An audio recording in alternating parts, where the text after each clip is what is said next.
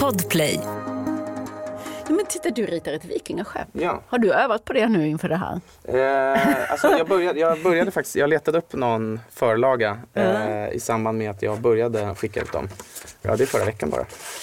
Får hoppas att du inte ska sitta och signera så här 2000. För då Ja, men jag har gjort du... ett gäng av dem. Snyggt. Alltså, så här, skillnaden är ju mellan 5 sekunder och 25. Ja. Så att det är klart att det är ju makroperspektivet är ju att det kostar mig mer tid. Men jag tycker det är värt det. ja, jättefint.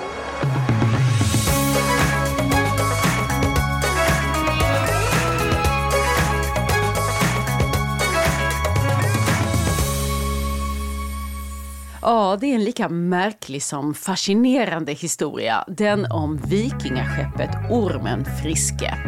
Och de som minns blir allt färre, men sommaren 1950 fylldes tidningarna av denna entusiastiska äventyrsfärd som slutade i katastrof och en mängd obesvarade frågor. Nu har journalisten Jack Werner fiskat upp ormen Friske ur glömskans garn och Jack är dagens gäst. Och sen ansluter Johanna Stenius med fler boktips om just efterkrigstiden. Där har du dagens meny i detta avsnitt 38 av Samtal om böcker med mig, Lisa Tallroth.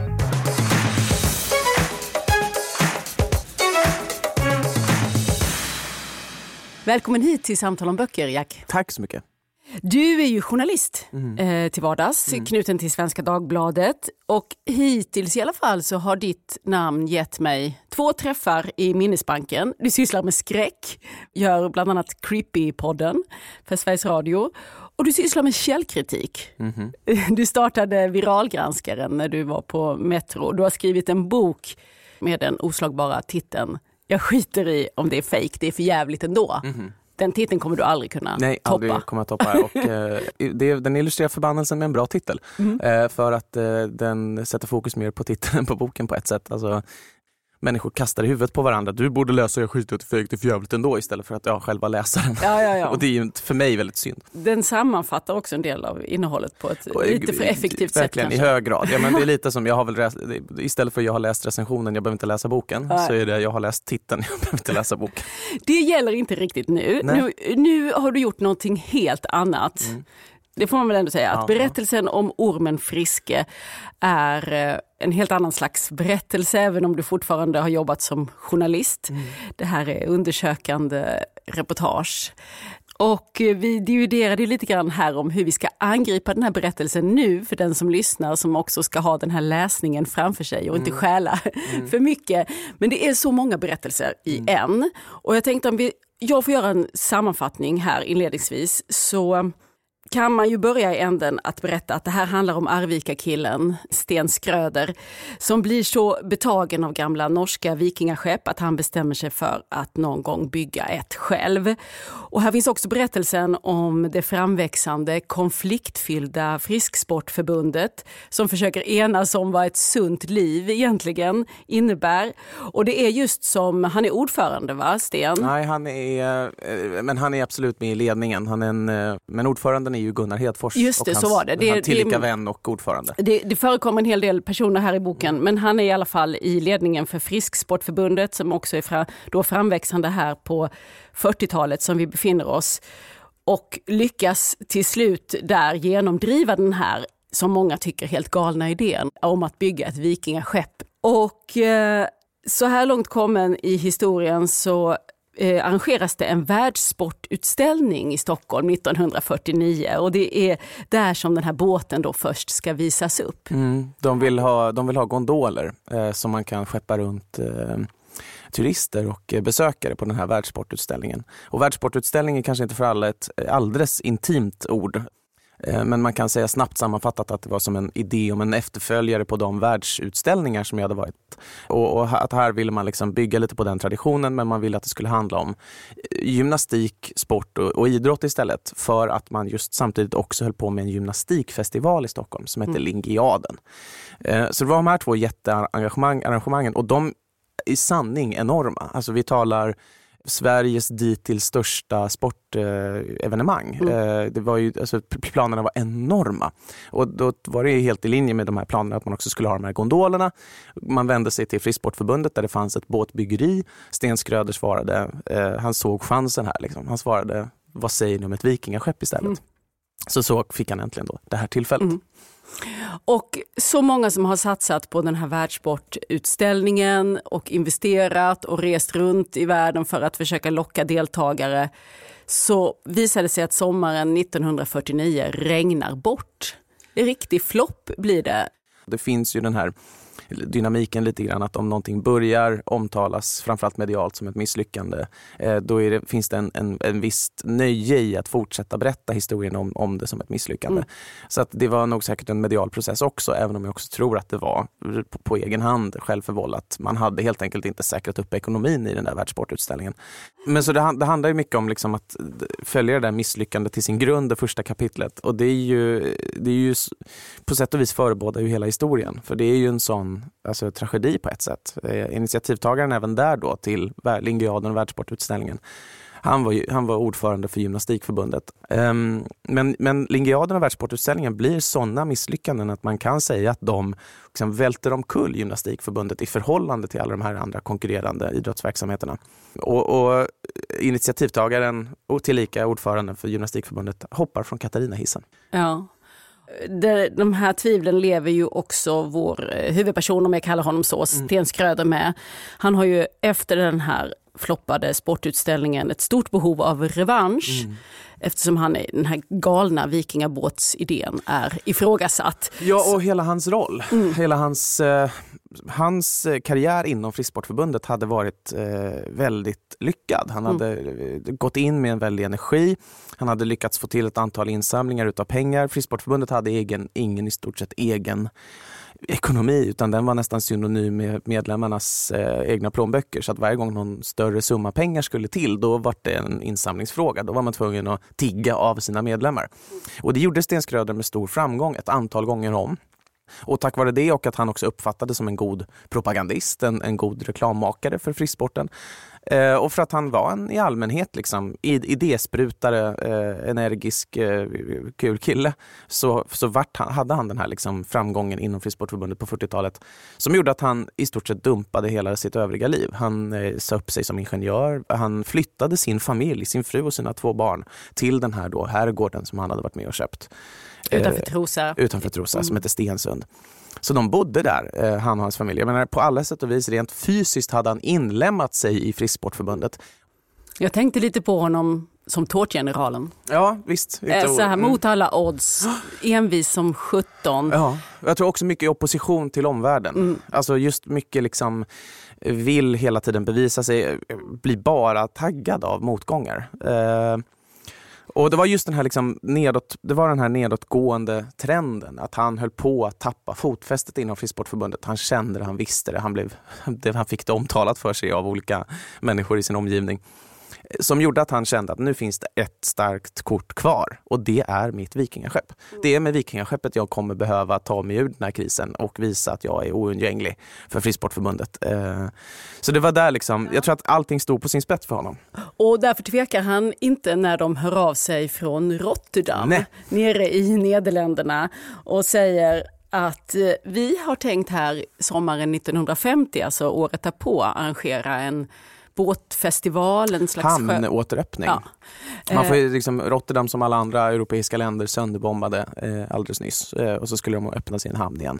Och då fick man möjligheten att eh, bjuda in lite olika, det hade man läst om Ormen Frisk i tidningen. Ja, och då tänker han att här har jag ju nu mitt tillfälle att, att få revansch, att få visa upp det här skeppet och tjäna in en del av alla de pengar. Han har ju satt sig i skuld också. Så inte utan viss pompa så avseglar man ju då i juni från Stockholm. Med, från Birka till och med? Ja. Det här är ju en, ett vikingaskepp. Det är mm. segel och rodd, en öppen båt. Eh, den var väl över 20 meter ja, ja, lång.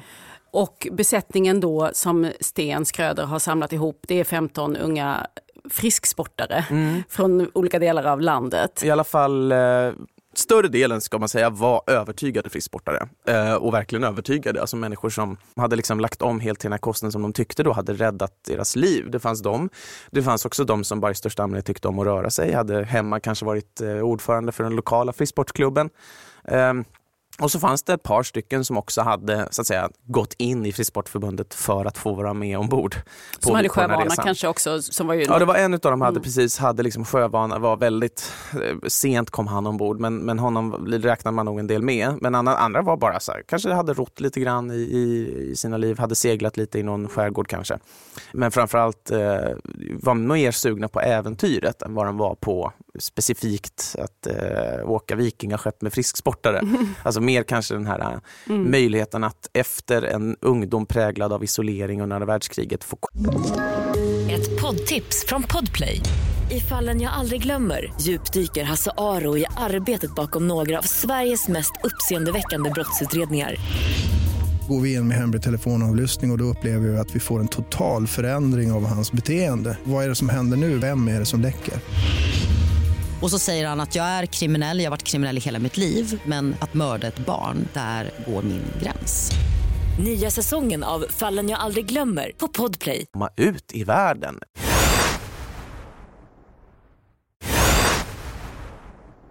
Och vi får följa den här seglatsen längs ostkusten ner till sydkusten genom Kielkanalen mm. och ut på Nordsjön. Och då har det hunnit bli midsommarafton 1950. Och det är det sista man ser ja. av vikingaskeppet mm. Ormen Friske. Och eh, nu tänker jag att vi kan återkomma till vad det är som händer. För det finns ju också en stor politisk dimension av eh, den här berättelsen och detta öde som vikingaskeppet röner. Men och bara liksom ta en liten paus så vill jag fråga dig Ack Werner, hur har du fått upp ögonen för den här historien? Och Tyvärr, mitt liksom ursprungliga vägen in är inte så spännande. Eh, den var att jag ungefär vid den här tidpunkten 2019 satt och tittade på Wikipedia-artikeln Svenska olycksfall och katastrofer sorterade efter antal dödsfall. Den finns. Eh, det är dyster läsning. Den är väldigt lång. Eh, längst upp så finns eh, historier alla har hört. Eh, Karolinemarschen, eh, där ju 3000 personer förolyckades, eller vad man brukar räkna med. Eh, Estonia, tsunamin, diskoteksbranden, det är allehanda sådana förfärligheter. Och sen så finns det någonstans i mitten på den listan bara ett sjok av men, mellan 10 och 20 döda. Det är många sådana händelser. Det finns bussolyckor, det finns spårvagnsolyckor, det finns sjunkna färjor, så, sånt liksom. Men det som stack ut här var ju då att det stod vikingaskepp. Mm. Ett vikingaskepp som hade sjunkit 1950. Eh, och för mig var den verkligen spontana reaktionen att det är något udda med det här. att jag inte har hört talas om det det finns den här floran av journalistik just nu som är att man liksom plockar upp en gammal kanske krimstory eller en gammal olycksfallsstory och sen så kanske tillför inte jättemycket nytt i journalistik men däremot i berättande. I den mediemiljön är det konstigt att inte ha hört talas om ett sjunket vikingaskepp. För, för det här borde ha återberättats. Så då började jag kolla lite på det och konstaterade att det, hade, det, som, hade, det som fanns som var liksom mest färskt och utförligt om det var en, eh, en del av en avhandling som gjordes 2004 av en som heter Rune Edberg. Eh, och han hade då disputerat på mm, samtida marinarkeologi som är ganska teoretiskt ämne och eh, han eh, skrivit då som en del av den avhandlingen en bok om ormen Friska. Eh, och den var, så här, den var en god, ett gott återberättande från A till Ö utav vad som hade hänt. Eh, men jag saknade i den människorna. Eh, jag saknade köttet och blodet och, och motiven och tankarna och känslorna. Eh, och upplevde att där fanns det en, menar, en tydlig öppning. Delvis också för mig just då som ju är, som du var inne på förut, kanske har varit mest aktiv med spökhistorier och källkritik. Eh, och det är inget fel på de ämnena, jag tycker om dem. Men det finns en punkt i livet där man känner att nu har jag kanske blivit nog associerad med just bara spökhistorier och källkritik. Och lite grann ett mått av också att tröttna på sig själv, höra sig själv säga för, för, för miljonte gången att det är viktigt att kolla innan du delar. Eh, så att här så såg jag möjligheten att, att eh, pröva mig själv på ett helt nytt sätt, göra någonting annat. Alltså, i och för sig ett hantverk jag i grund och botten var bekväm med, journalistiken. Men att få göra det i arkiv, vilket jag har sett fram emot väldigt länge. Jag har en romant hade en romantiserad bild av hur det skulle vara att sitta på Riksarkivet och gräva i papper. Och det visade sig att den romantiserade bilden stämde. Det var precis så härligt som jag trodde det skulle vara. Och jag fick liksom göra det här arkivarbetet, jag fick ta reda på och söka upp anhöriga.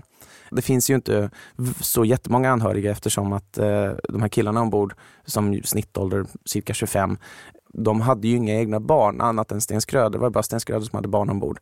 De andra hade liksom, ja, syskon och sådär. Och de här syskonen har inte sällan gått bort vid det här laget. Eh, så det betyder att det var inte jättemånga som stod liksom allra närmast som var idag levande. Och, och det eh, gjorde att jag liksom fick verkligen pröva mina förmågor att liksom utvinna information eh, överallt ifrån. Alltså leta vitt och brett, vända på alla stenar jag kunde tänka på. Och det tillhör det jag tycker bäst om att göra. Så att det här var ett projekt som för mig var väldigt lockande. Dels för storyn, dels för all den dramatik, all, all den oerhörda, liksom, märkliga eh, filmiska dramatik som jag stötte på så fort jag bara tittade på en ny aspekt av det. Jag menar, Varenda del av den här historien är så konstig och så intressant. Men dels också för just bara mina möjligheter att arbeta på det här sättet. Och om vi stannar till lite vid det då, att få tag i köttet och blodet i den här historien. För det är som du säger att det finns ju Wikipedia-artiklar och det finns ju en hel del liksom lagt i dagen ändå. Mm. Men, eh, men när tycker du att du fick tag i det? Du skriver till exempel en del om Sten Skröder ja. som är huvudpersonen. Hur har du fått tag i honom och vad han var för slags uh, figur? Ja, det visar ju sig att eh, Frisksportförbundets brevväxling in, var ganska intim. Känslomässig, känslosam. Ja precis, alltså det säger väl något om hur ja, men ideologiskt och personligt händelserik och dramatisk den tiden var inom Frisksportförbundet. Att eh, man brevväxlade Även om liksom, ja, men ganska upprörda saker och ganska nära till det egna livet. Jag har med någon, eh, en brevväxling som sker, som finns kvar på arkivet, eh, om att en hyfsat central person i, inom Frisportförbundets eh, nyfödda barn, för tidigt födda barn precis har dött. Och det brevet är skrivet av kvinnan som precis har fött det från sjukhuset. Hon avbryter brevet mitt i för att säga nu kom läkaren in och sa att min son har dött. Eh, och den typen av brev skrivs ju, tror inte jag, som, i så många liksom, eh, förbund idag. Framförallt tror jag inte att det skrivs på det sättet och läggs i ett arkiv sen. Så att det finns ju den här liksom, intimiteten med, med, med livet och med liksom livets alla olika slagsidor och, och problem var bevarad i arkivet. Så att jag hade liksom en väg in där. Men jag hade också en oväntad tur när jag hittade så jag var inne på det förut att alla, eller många av de närmare anhöriga är borta idag. Men det var en tysk journalist som eh, på 70 eller 80-talet eh, upptäckte ormen Friske eh, själv när han var på Pellworm, en tysk ö där dess vrak, ena hälften av dess vrak fanns kvar. Frisiska öarna ute på Man kan alltså, säga där fam, famnen... Tyska bukten Precis, Tyska bukten. Ja, jag, jag brukar illustrera det med liksom, om, om. Dan, om Tyskland och Danmark bildade en famn mm. så är det den och, och, han blev så fascinerad av Ormen Frisk att han la alltså årtionden på att hela tiden återkommande återvända till den berättelsen och se vad han kunde göra. Han hade visioner om en dokumentärfilm. Och som en del av det så åkte han runt millennieskiftet till Sverige och intervjuade då de här anhöriga, vilka ofta var då syskon. Och de videobanden, han har gått bort, han gick bort 2004, Harald Hack, eh, i cancer. Men de videobanden hade funnits kvar hos hans änka. Och precis som av någon konstig slump hade hon donerat dem till ett, eh, ja, en, eh, Nordfrisiska institutet som då är någon sorts eh, kunskapscentrum och eh, forskningscentral. Så de fanns där.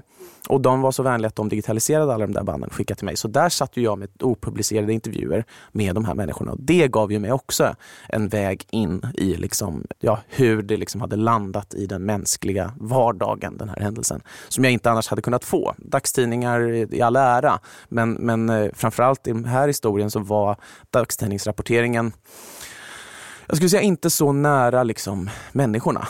I alla fall inte de anhöriga. Utan det var nära de ombord, det var nära liksom, Frisksportförbundets olika personer.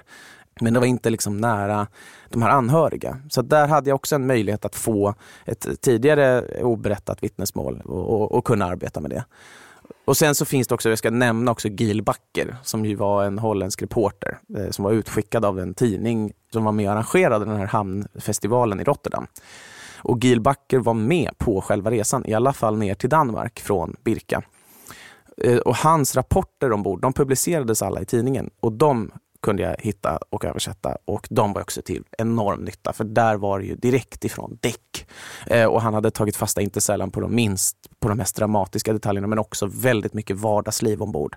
Vad åt man? Vad sa de? Hur, hur tänkte de på med den mediala bevakningen av sig själva? Så att det fanns, det fanns den här möjligheten där att lyfta fram själva resan och hur det var under de här veckorna när eh, de här killarna satt på ett vikingaskepp ihop. Mm. Så det finns mycket dokumentation ändå runt omkring de här övningarna. Men när vi, om vi ska tillbaka till midsommarafton 1950 så där är det ändå ett hål ja. i berättelsen vad det egentligen är som händer då. Det står ju klart att ormen Friske förliser, går i kvav. Det finns många sådana här uttryck ja. för båt och, och havsliv. Hur som helst, ormen Friske förliser och så småningom återfinns ju vrakdelar och eh, de kommande veckorna åtta kroppar mm. på olika håll ute på de frisiska öarna mm. Eh, och kring Helgoland som mm. tycks ha varit liksom den centrala platsen här. Och sju kroppar återfinns aldrig. Så det är ju en, såklart en, en fruktansvärd tragedi och 15 familjer i Sverige som blir av med en son eller mm. bror eller far i något fall också. Och här börjar ju, här kommer dimman in lite grann, vad det är som händer och hur man ska hantera detta efteråt. Eh, kan du säga någonting om, om efterspelet och varför, jag antyder ju det att det blir stor politik av det här ja. också. Precis, för då är det den här liksom disparata tredje ingången, eller vad man ska kalla i den här berättelsen, som är då Helgoland, som är den här ön vid Tyskland och Danmarks famn. Som ju är, har ju under första och andra världskriget använts av tyskarna. Man ska säga att den har tidigare haft en väldigt brokig ägarhistoria. Den har bytt eh, liksom nationalitet ett antal gånger, alltid bibehållit något av en egen kultur, men, men om vartannat varit dansk och tysk och engelsk. Men sen så blir den vid första världskriget tysk eller inför första världskriget tysk. Och, och, då använder man den väldigt mycket som en liksom fortifierad kanonö och, och, där utspelar sig en typ av skyttegravskrig fast i havet då, eh, som aldrig riktigt liksom briserar men som ändå hela tiden finns där som ett maktcentrum. Och sen så under andra världskriget när Tyskland har då, fortfarande har Helgoland så, så händer det igen att det liksom blir en, en typ av smärtpunkt i Nordsjön. Och efter andra världskriget är då de allierade så jäkla trötta på Helgoland eh, att de inte har något emot om den ön bara helt konkret skulle sjunka i havet.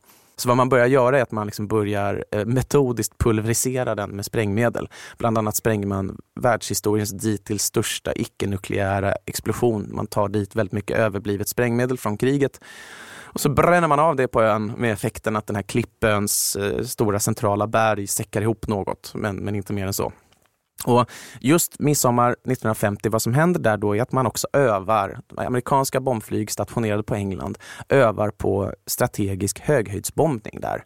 Och det är inför ett stundande tredje världskrig, eh, men det som vi nu vet blir kalla kriget. Att eh, det inför, man övar inför det. Man är liksom rädd att Sovjet ska ta sig in över Europa och då är Helgoland en bra övningspunkt. Liksom. Så, så precis där är det ju liksom bombflyg över havet och det, vad som händer när ormen Friske kommer ut i Nordsjön, det är för det första att det kommer en oförutsedd, eh, av väderleksrapporterna inte förvarnad sommarstorm. Ovanligt intensiv för sin årstid. Och den gör det svårseglat på Nordsjön. Nordsjön kallas eh, lokalt för Mordsjön eftersom att den är så pass farlig, framförallt när det är vinterstormar, men även här vid en sån här sommarstorm.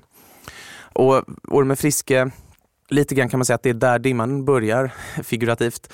Eftersom att där är det oklart vad som händer. Hon bevittnas lite här och var. Och framförallt är det så att tyska fiskare som har sökt nödhamn på Helgoland eh, ser henne komma in mot hamn i uppenbart syfte att söka nödhamn själv. Och just då börjar bomberna falla. Eh, och det, det är väl där den sista levande människan ser ormen Friska när hon fortfarande seglar. Mm. Um, och Vad som händer sen är att när då konsulatet i Hamburg, på vars lott det faller att utreda vad det är som har hänt mormor Friska. Konsulatet i Hamburg det är liksom en stressad plats. I Hamburg är det tokfullt av tyskar som vill ha asyl. Och... Ja, återigen påminner oss om att året är 1950, Precis. så vi är ju i efterkrigstiden här. Ja, visst. Jag menar, skildringen, är ju att, skildringen som jag har hittat är ju att liksom, eh, ifrån den här konsulatverksamheten är ju att tyskar bodde i liksom isärsågade rör rakt av på marken och letade i konsulatets sopor efter mat att äta. Och varje dag var det bara långa köer med människor som ville ha visum i Sverige för att fly. Så där var det ju stressat. Konsulatets personal hade också sina olika egna anledningar att vara stressade. Konsuln själv eh, hade liksom en dramatisk äktenskap som hade precis hade ingått, som Säpo hade ögonen på för man misstänkte att kvinnan hade gift sig med var rysk spion. Eh, och där fanns det liksom... Det är, liksom, det är verkligen, och det här det är ju helt otroligt liksom, mm. vad som nystas upp ja. i en sån här historia och sidospår och sidoberättelser som du, du också liksom slår in på en del sådana stigar. För det är ja. ju, så växer ju berättelsen. Ja, men det är också svårt att ha varit en del av utmaningen här har ju varit att sätta stopp för mig själv i vissa utvalda punkter. Att säga, ah, men kanske hit men inte längre just ja. när det kommer till det. Typ. Och, och sen så är det det här med Koreakriget som ju då också ska nämnas, utbryter när rapporterna kommer om att Ormen Friska har sjunkit den 26 eh, juni. Så att konsulatet i Hamburg, man kan säga, de är stressade. Och om det är av hänsyn till amerik amerikanerna och engelsmännen eh, under en, ett uppblossande, vad man tror kan bli nu, det kommer det tredje världskriget, om det är av hänsyn till dem eller om det är av ren stress, av utmattning. Eller om det är av någon sorts liksom, ja, men, lite skam över vad är det här för konstigt jippo som har gått åt skogen här ute i havet. Varför ska vi hålla på med ett vikingaskepp och dess liksom, döda besättning? Något av de där leder till att man, man är inte så jättenoggrann när det kommer till utredningen av vad det är som faktiskt har hänt. Man är ganska noggrann på att hämta fram, alltså följa upp spår på var det kan ha dykt upp kroppar. Och man är väldigt noga på att skicka kravbrev till deras anhöriga och säga betala 300 kronor för att det är vad det kostar att forsla hem era anhörigas kroppar. Som inte alltid är i perfekt skick, nej, nej precis. Varken, varken identifierade eller i perfekt skick, mm. verkligen. Men just själva vrakdelarna som alltså ändå återfanns, man kan säga för stäven, akterstäven och en central del av mittskeppet återfanns och var egentligen fullt möjliga att undersöka. Men det gjordes inte i någon hög grad, eh, trots att tyskarna gång på gång frågade, ska ni inte ta hem de här vrakdelarna för att undersöka dem professionellt? Mm. Men det gjordes liksom inte riktigt. Så att, och, och, vad som hände med de här vrakdelarna var att till slut så fick de bara tillfalla upphittarna. Eh, och jag var inne på det förut, den här Harald Hack, den tyska journalisten som var på Pellvorm och upptäckte historien där. Han upptäckte den ju genom att förstäven stod alltså kvar på Pellvorm. Den hade blivit som en liten maskot till ett fik. Tänk det, det är, liksom ett, det är ett skepp på vilket 15 drunknade eh, som står som en liten eh, turistattraktion i, bredvid ett eh, idylliskt fik på en eh, nordtysk ö. Eh, och den var där tills den föll i bitar eh, någonstans innan millennieskiftet. Så blev det med vrakdelarna av Ormen Friske. Att man kan säga att de rent fysiskt på ett sätt illustrerade hur också den här historien, menar jag då, har försvunnit. Hur den har liksom legat kvar där hela tiden, hidden in plain sight. Mm. Eh, och sen, ja, vid något tillfälle forslats iväg lite, lite tyst. Och vi pratar. Ett poddtips från Podplay. I fallen jag aldrig glömmer djupdyker Hasse Aro i arbetet bakom några av Sveriges mest uppseendeväckande brottsutredningar. Går vi in med hemlig telefonavlyssning och, och då upplever vi att vi får en total förändring av hans beteende. Vad är det som händer nu? Vem är det som läcker? Och så säger han att jag är kriminell, jag har varit kriminell i hela mitt liv men att mörda ett barn, där går min gräns. Nya säsongen av Fallen jag aldrig glömmer på Podplay. Inte så mycket om det längre.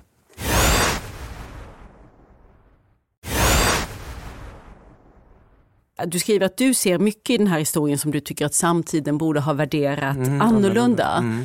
Och ehm, vad är det du tänker på då? Så här, man ska inte bedöma samtiden efter, man, man ska inte bedöma det förflutna efter samtidens ögon. Man får se allting ut efter de förutsättningar de hade att jobba med. Men jag upplever ju själv att det finns frågor som dyker upp när en, eh, ja som i Sten Skröders fall, pappa lämnar sina två små barn eh, och sin fru för att göra vad, något som så uppenbart är ett eh, Kanske inte självmordsprojekt, det skulle jag inte säga, för det, de hade kunnat klara sig igenom det här, men så udda projekt.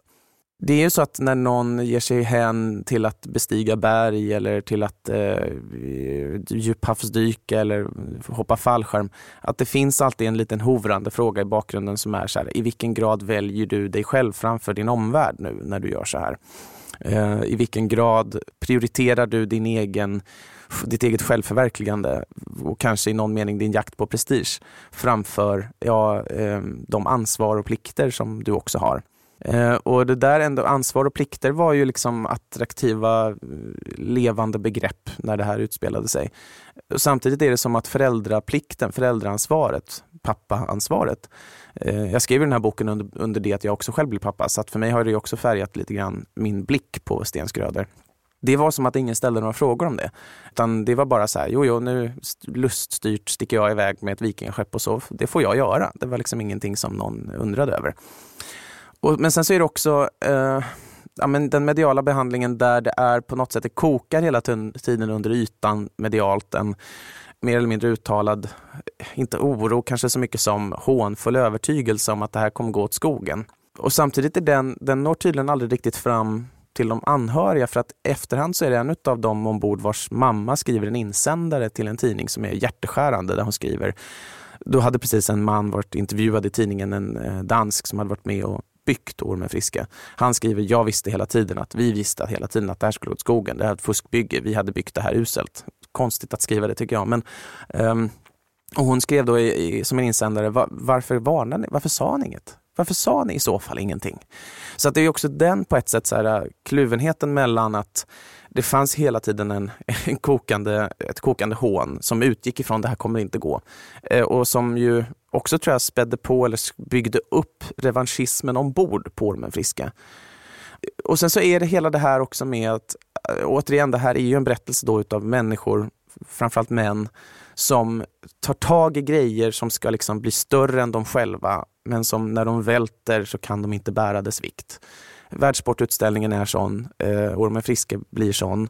Även Harald Hack i någon mening, den tyska journalisten som försöker driva projektet att göra en dokumentärfilm om Ormen Friske.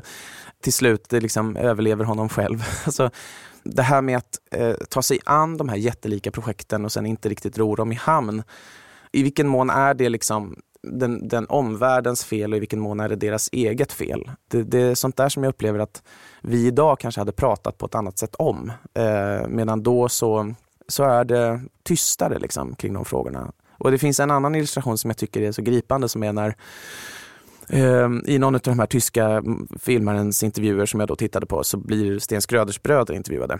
Det är som att de är de mest eh, avståndstagande. avståndstagande eller liksom främmande inför det emotionella. Eh, att de är just bara så här, kan liksom eh, lite så här småleende undra vad ska ni med det här till? Varför håller ni på med de här intervjuerna? Vad, vad, vad ska ni egentligen med det här till? Och, och det var skönt, säger någon av dem, att Sten Skröder inte klarade det här. För att om han hade klarat det men de andra hade dött, ja då hade det blivit jobbigt. Liksom.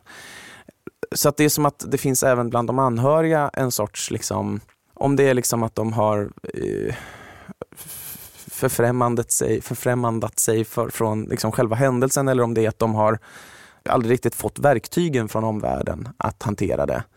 Men det finns liksom inte ett adekvat sorgarbete där för att vara brysk. Eh, och det är väl det jag också tror att vi hade haft på ett annat sätt idag. Kanske är det också här en sån här sån händelse som, även om den hade hänt idag, hur gör man ett sorgarbete för någon som åker ut på ett vikingaskepp och sjunker i Nordsjön? Eh, kanske bombad av amerikanskt bombflyg. Alltså, det är ju eh, en kvinna som intervjuar, Camilla Karlberg, som är då systerdotter till en av dem som dog ombord.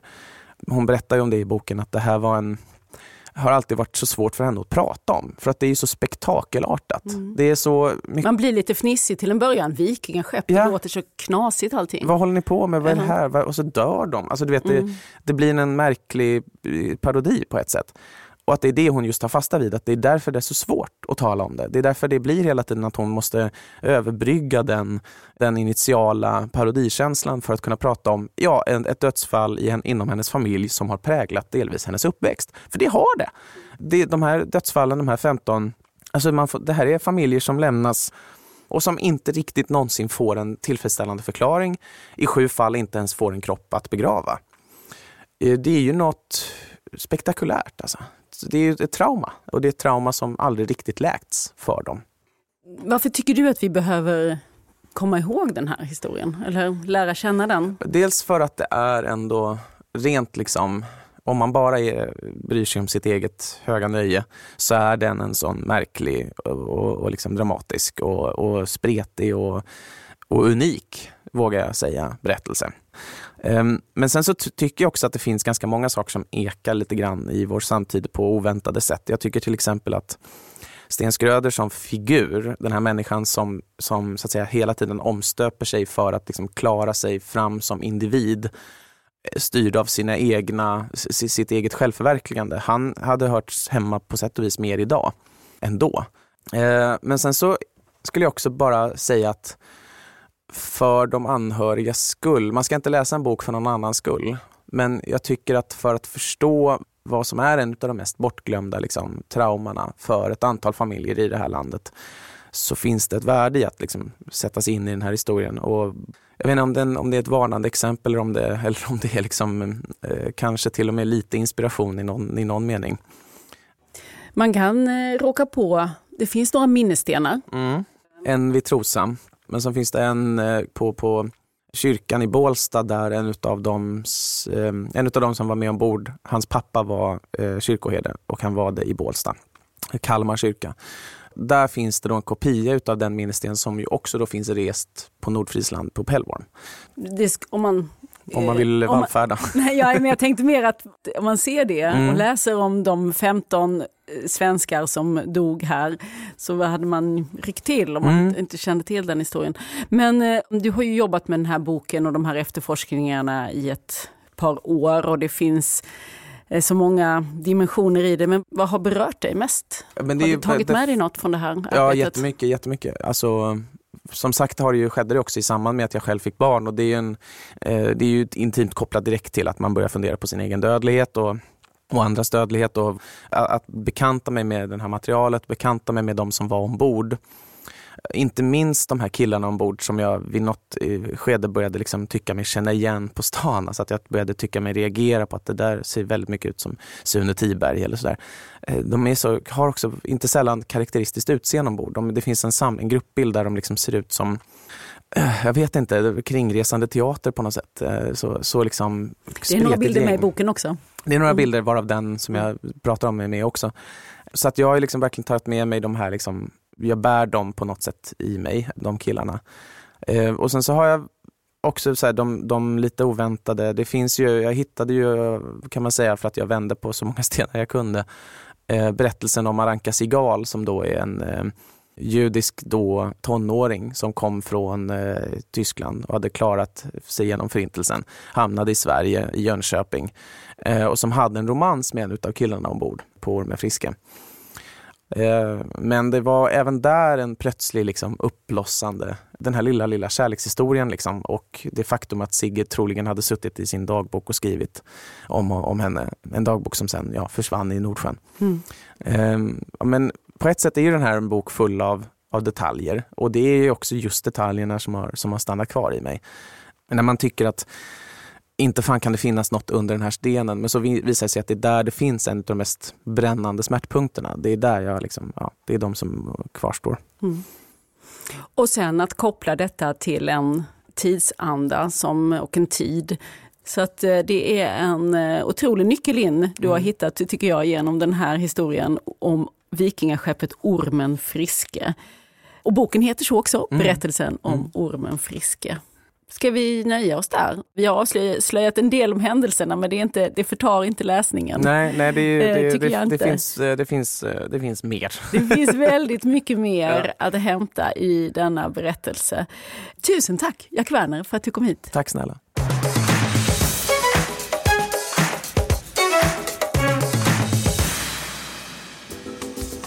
Samtal om böcker sponsras ju av nätbokhandeln Adlibris där man varje månad väljer ut några extra läsvärda pärlor. Och en av maj månads pärlor är romanen En familj som vår av den amerikanska författaren Catherine Haney. Det här är en varm, rolig och lite vemodig berättelse om lärarinnan Jane som flyttar till en småstad i Michigan. Där förälskar hon sig i Duncan som tyvärr visar sig vara notoriskt otrogen. Men så ställer en olycka tillvaron på ända och Jane måste fatta några avgörande beslut. En oemotståndlig skildring av hur familjelivet kan gestalta sig när man sätter sig över trånga konventioner. Så skrev recensenten Inga-Lill Mosander i Aftonbladet om den här romanen En familj som vår.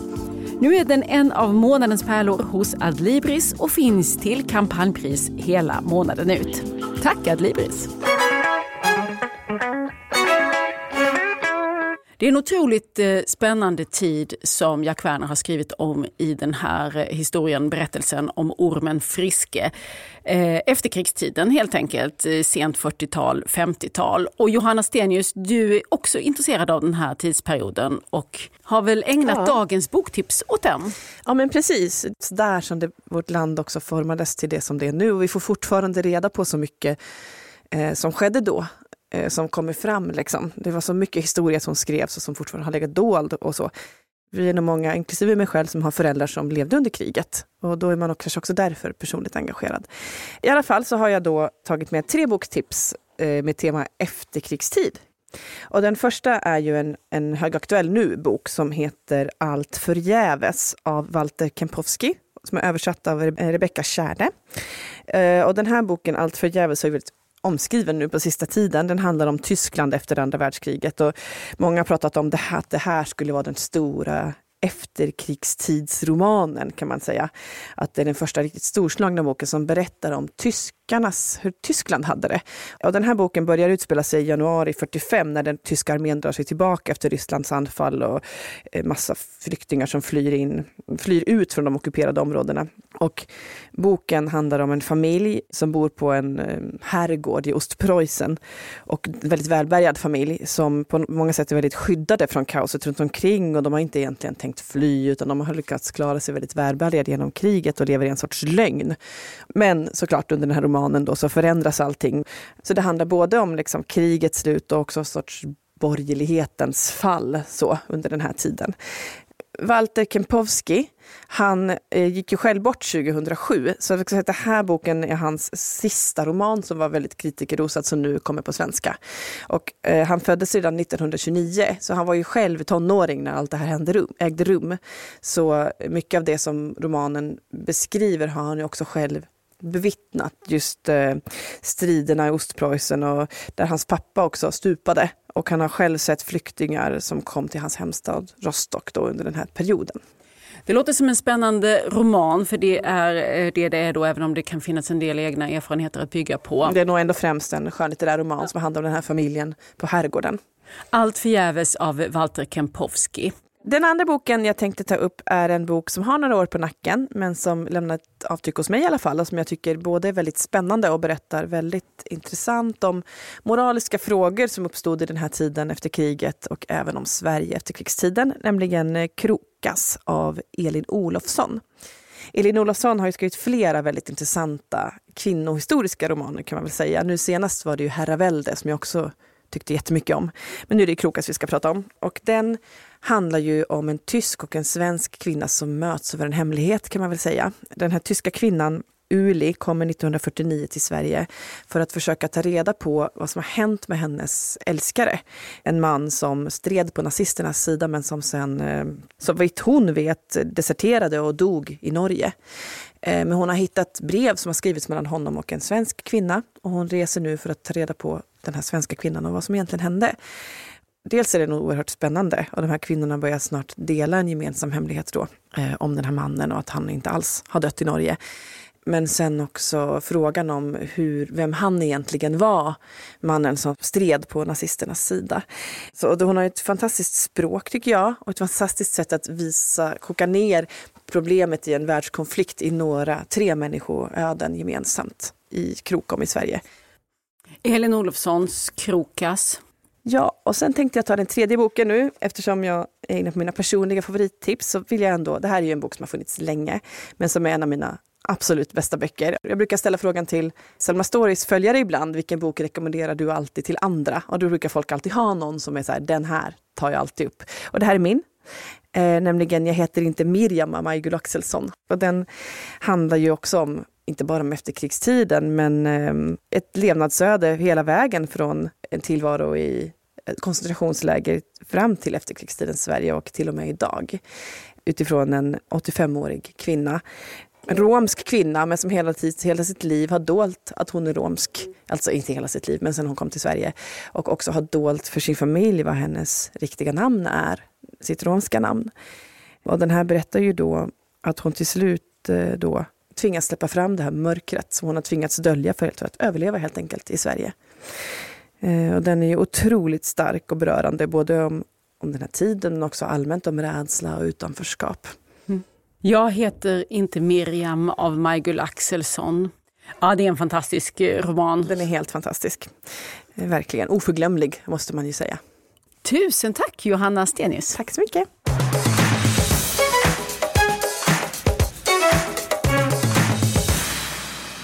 Nästa vecka blir det fin besök här i Samtal om böcker. Douglas Stewart är nämligen på Sverigebesök. Han knockade ju oss med sin debutroman Shaggy Bane för ett par år sedan och är nu tillbaka med en minst lika stark skildring, Unge Mungo. Den ska vi prata om nästa gång vi hörs här i Samtal om böcker. Ett avsnitt som du hittar redan på fredag i gratisappen Podplay, annars på lördag på alla andra poddställen. I sociala medier heter vi Selma Stories och jag heter Lisa Tallroth. Hej så länge!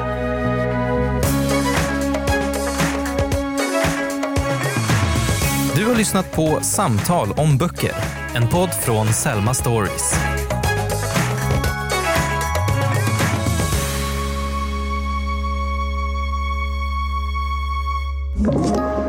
Podplay. Poddtips från Podplay. I fallen jag aldrig glömmer djupdyker Hasse Aro i arbetet bakom några av Sveriges mest uppseendeväckande brottsutredningar. Går vi in med hemlig telefonavlyssning och, och då upplever vi att vi får en total förändring av hans beteende. Vad är det som händer nu? Vem är det som läcker? Och så säger han att jag är kriminell, jag har varit kriminell i hela mitt liv men att mörda ett barn, där går min gräns. Nya säsongen av Fallen jag aldrig glömmer på Podplay.